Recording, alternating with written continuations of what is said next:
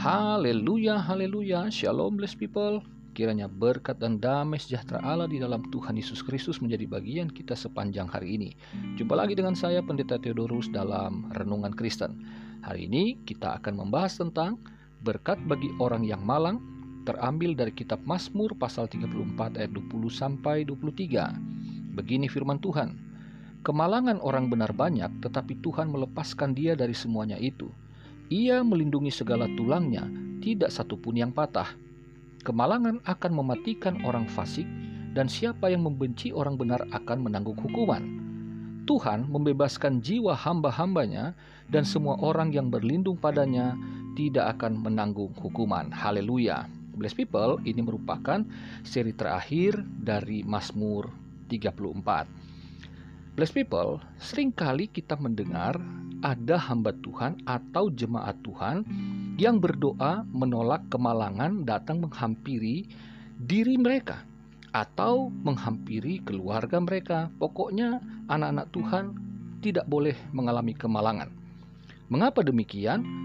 Karena kemalangan identik dengan penderitaan yang dianggap tidak mungkin terjadi atau menimpa orang-orang benar. Blessed people, menurut Kamus Besar Bahasa Indonesia, malang artinya bernasib buruk, celaka, atau sial.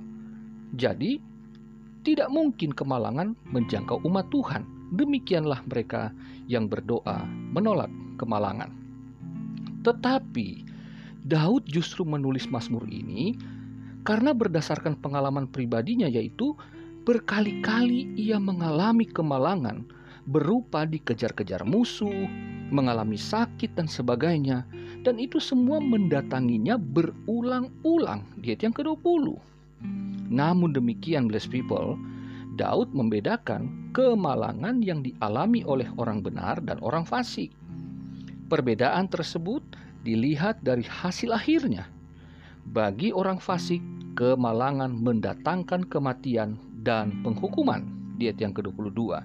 Sedangkan bagi orang benar, kemalangan itu malahan menghasilkan berkat bagi dia.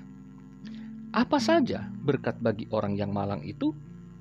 Yang pertama, Tuhan melepaskan dia dari semua kemalangannya, ayat yang ke-20. Yang kedua, Tuhan melindunginya dari penghakiman, ayat 21. Yang ketiga, Tuhan membebaskan jiwa hamba-hambanya, ayat 23, bagian A.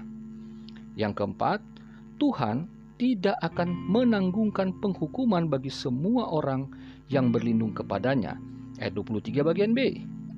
Dengan demikian, orang benar akan mengalami yang namanya kemalangan-kemalangan seumur hidupnya ketika ia setia kepada Tuhan.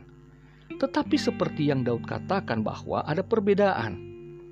Bagi orang fasik, kemalangan mendatangkan kematian dan penghukuman kematian itu bahkan kekal sifatnya. Dan bagi orang benar, kemalangan akan menghasilkan berkat yang akan membuatnya menyaksikan betapa Tuhan itu luar biasa. Haleluya. Bless people, perhatikan ayat 21. Dalam konteks perjanjian lama, ayat ini menunjukkan bahwa meskipun orang benar banyak mengalami kemalangan, tetapi Tuhan menjamin kesehatannya secara fisik juga. Ketika ayat ini kita pakai untuk umat Perjanjian Baru, maka seperti Rasul Yohanes tuliskan di dalam Injil Yohanes pasal 19 ayat 36 tentang Yesus yang mati tersalib bagi kita, apa yang terjadi di atas kayu salib telah mematahkan apa yang menjadi ancaman bagi manusia, yaitu kematian kekal yang kemudian menjadi hidup yang kekal bagi orang yang percaya kepada Tuhan Yesus.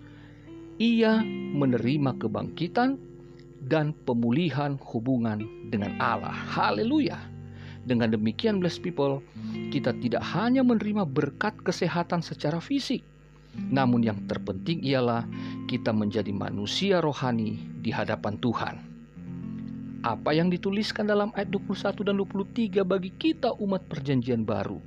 Bahwa kita di dalam Kristus kita tidak dihakimi dan tidak mendapatkan penghukuman lagi.